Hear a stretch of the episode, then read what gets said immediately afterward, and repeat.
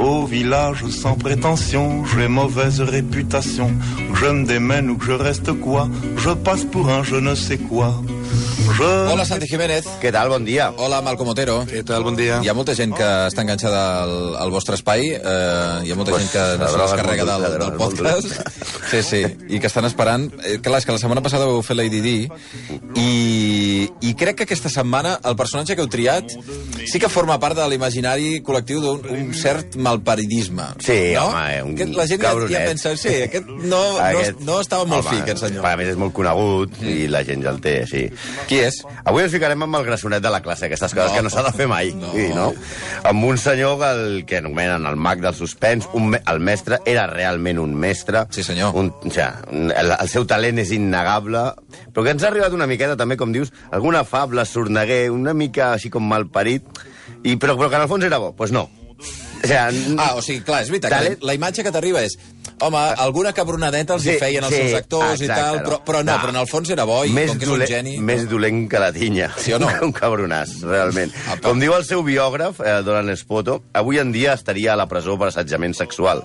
A més, avui també, eh, en el nostre intent de culturitzar l'audiència, us ensenyarem una paraula nova. Ah. Escopofília. Són, ja mal, anem malament, em sembla. Sí, és la gratificació del desig sexual mitjançant la mirada oculta per evitar contagis de gèrmens. Mm. Avui parlem d'Alfred Hitchcock.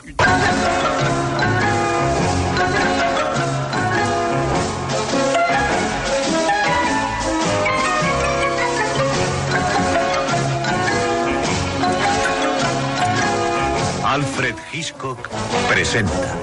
I què presenta, què presenta? Bueno, per, per matisar, grassonetes i seta. Vull dir, Hitchcock era un gros, gros. I jo En mateix, si vols.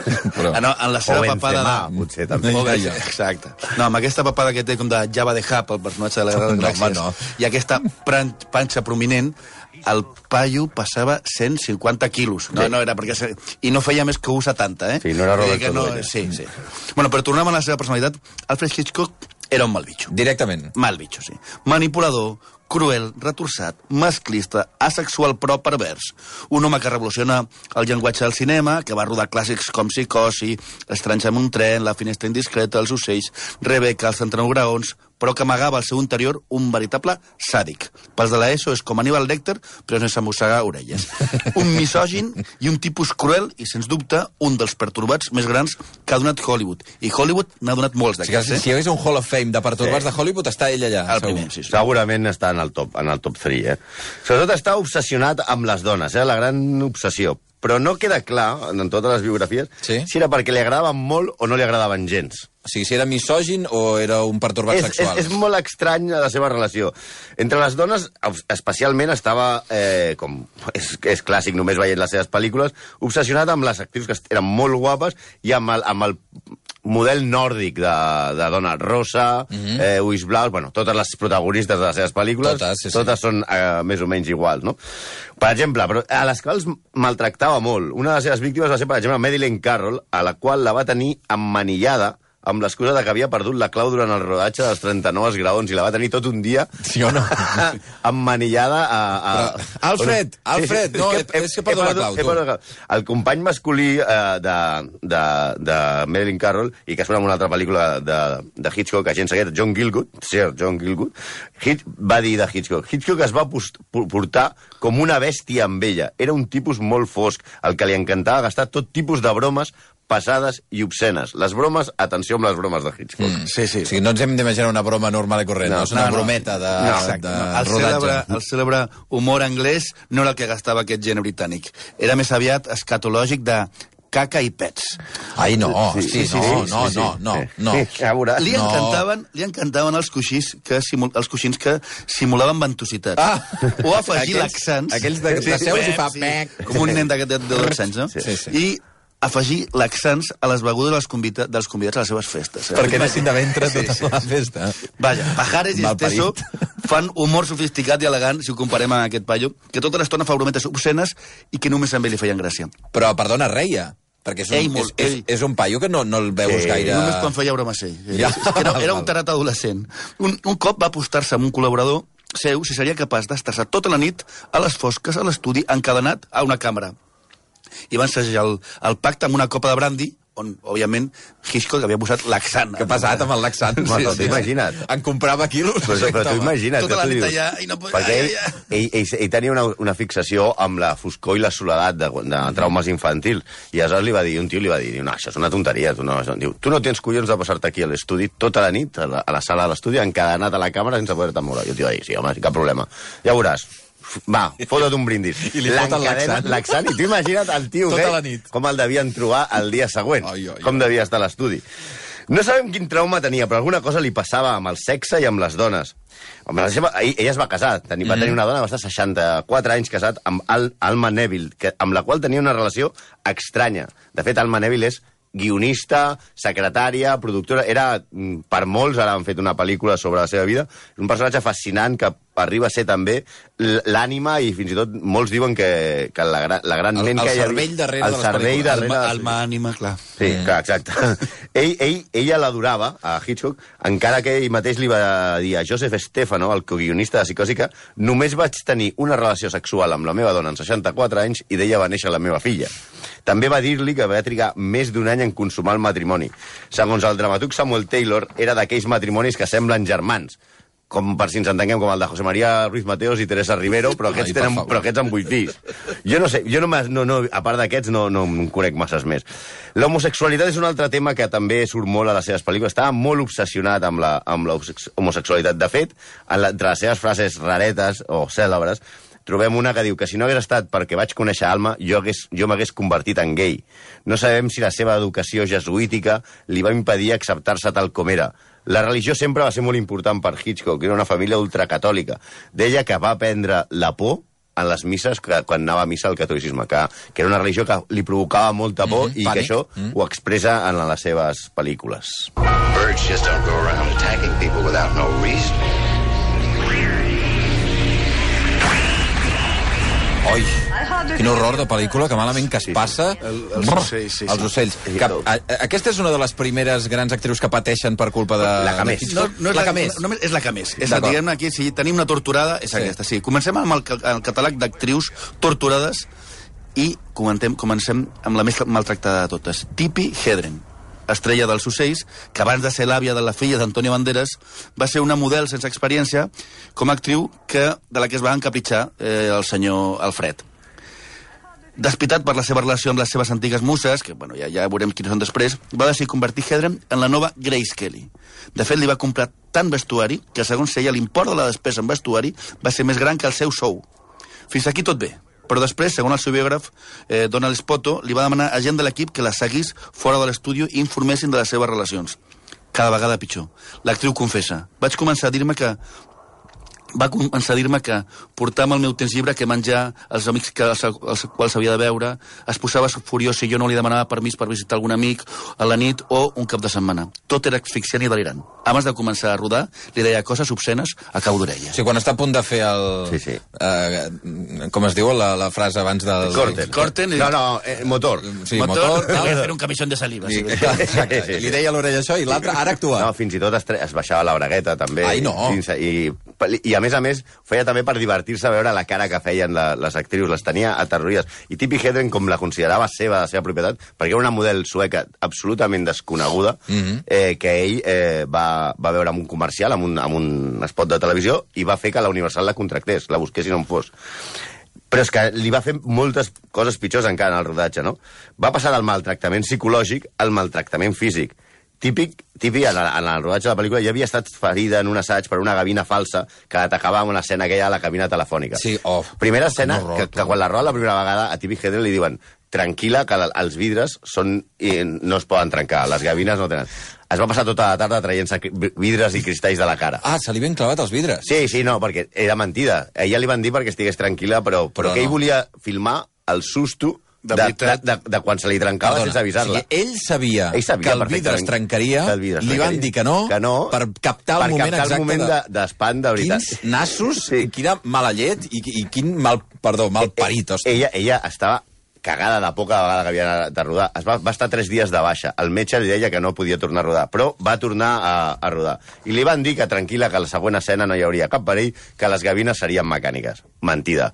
Va estar tot un dia eh, Hitchcock cabrejant ocells sense donar-los a menjar, i els, hi va, i, i els va enganxar amb cintes adhesives al vestit de Tippi Hedren perquè l'ataquessin de veritat. Fins i tot, li fan ferides, les ferides que surten són de veritat, les que li fa Tippi No és Hedren. maquillatge. Gairebé perd un ull, Tippi Hedren, sí, va tenir un desprendiment de retina molt seriós, que gairebé es queda cega d'un ull en el, en el rodatge d'aquesta famosa escena. Però què estàs dient? Sí, sí, sí. Ell, ell eh, mentre ella crida i tot l'equip de rodatge està com mirant a Hitchcock a veure, ostres, parem això ja, que es farà mal, ell ni la mira. I, a vegades, I fins que no cau rendida, massegada i plorant a terra, no diu corten. O com es digui en anglès, cat. Imagino que li devia dir. Ella està a punt d'abandonar el, el rodatge i el cinema.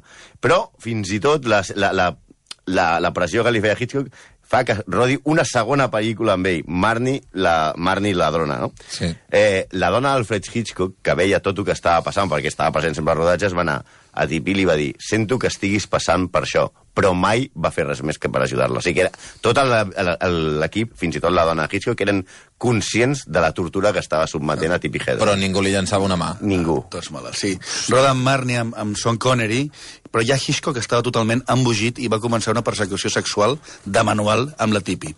Insinuacions obscenes, propostes carnals i bromes en doble, però evident sentit. Però, per, perdona, i per molt que fes aquestes bromes, ell era un tio asexual. És a dir, no mantenia a- aparentment relacions amb ningú. Sí, es diu un malalt. Aquí està la perversió, aquí està l'escopofília. És allò, ell, ell, ell disfruta el sexe nom- o, o només el volia mirar, excitar-lo mirant-lo i sense practicar-lo. Sí. Fins, fins que un dia ella, amb una mica de- d'aquesta bogeria, es va balançar cap a ella amb la llengua fora i les mans per davant.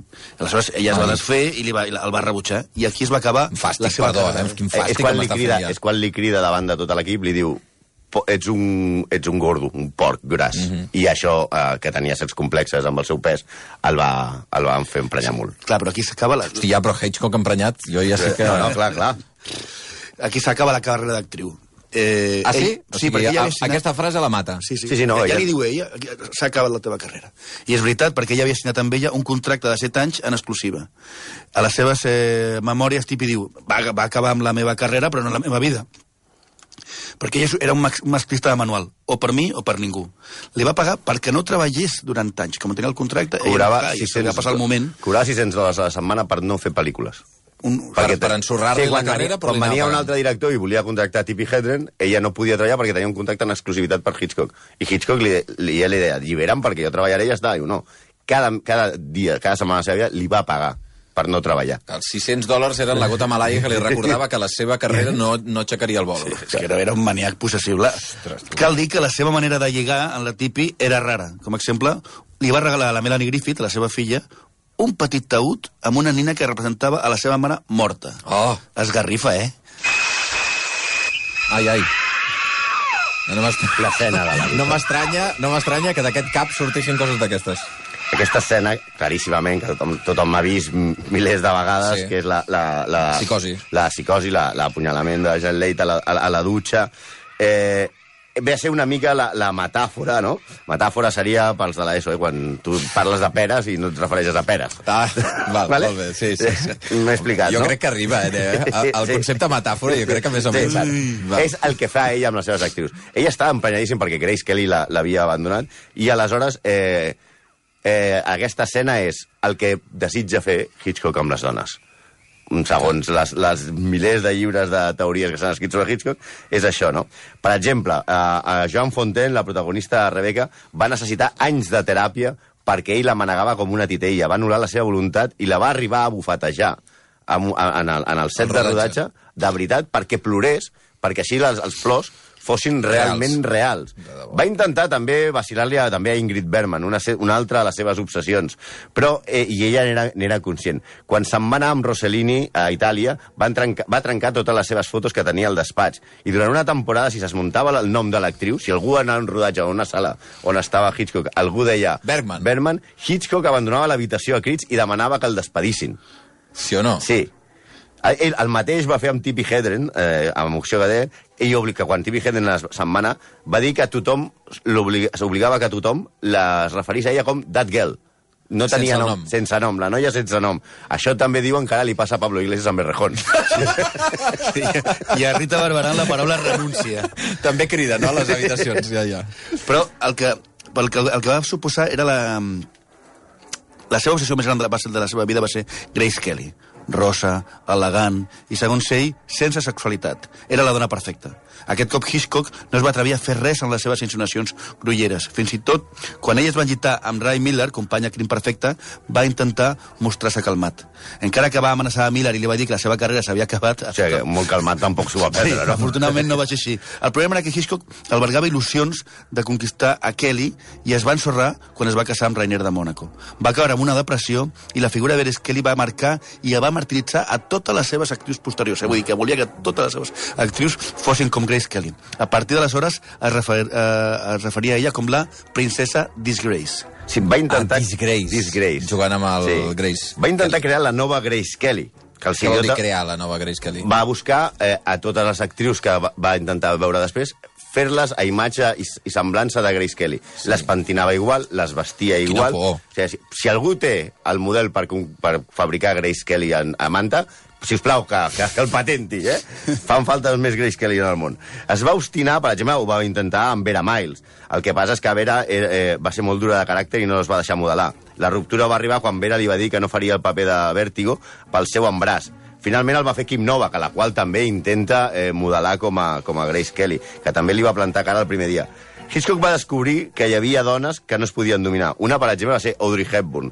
A Audrey Hepburn la va intentar contractar per satisfer una de les seves més grans fantasies sexuals, violar-la.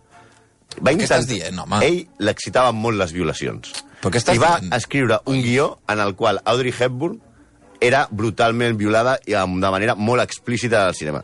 Hepburn va llegir el guió I va dir, "Vés-te'n- vés-te'n a i, fer i, va fer, punyetes". i la Vés a pel·lícula cagar, va dir. no es va fer. Només va escriure aquella, aquella pel·lícula perquè li, li, dona, li posava veure com violaven Audrey Hepburn, que acabava de fer Història d'una monja, cosa que també ja anàvem aquí per on anàvem, no? També Ingrid Bergman va ser una de les altres que va roja, i en Marlene Dietrich sí, tampoc no va tenir collons. Quina, quina sí, sí. malaltia, tu. Va, va fer infeliços a més actrius com Eva Marie Saint i va fer immortals actrius com Janet Leigh, la noia de psicosi, però mai va poder intimar en cap d'elles. Però la qüestió és, què deia la, de, la seva dona tot això? Sí, perquè abans m'has dit quants? 60 quants 64 anys. 64 anys ca- casats. Sí, sí. I aguantant el, el, El degenerat aquest. aquest. Sí, doncs, doncs, malgrat la seva relació sense sexe, es moria de gelosia i tenia atacs de fúria. Alguns biògrafs insinuen que va tenir un ardent afer amb Whitfield Cook, guionista d'Estanys en un tren. El més curiós és que sembla que Alma li va confessar al seu amant que Alfred era impotents. Però llavors, Perdona, la, la dona de, de Hitchcock, li va dir a l'amant que, que l'altre no s'hi l'aixecava. Ja. Aleshores, ara, qui és el pare de la filla de Hitchcock? Ah, clar, perquè van tenir una filla. Això sí que és un misteri que hem de resoldre. Ah, això no se sap? No. Bueno, sembla que seva, però... Ai, ai, ai. Hosti, m'heu deixat mort, eh? M'heu matat avui. Pensa que Hitchcock era un tio que cada dia trencava una tassa de te. Es prenia el te i tir- tirava la tassa a terra. La trencava per recordar la, la, la, lleu, la, la lleugeresa del, del ser. Sí, ell acabava de dinar i trencava una tassa de Els, tarat és- els creadors de tasses de te estaven contentíssims amb la seva feina. En fi, Santi, Malcolm,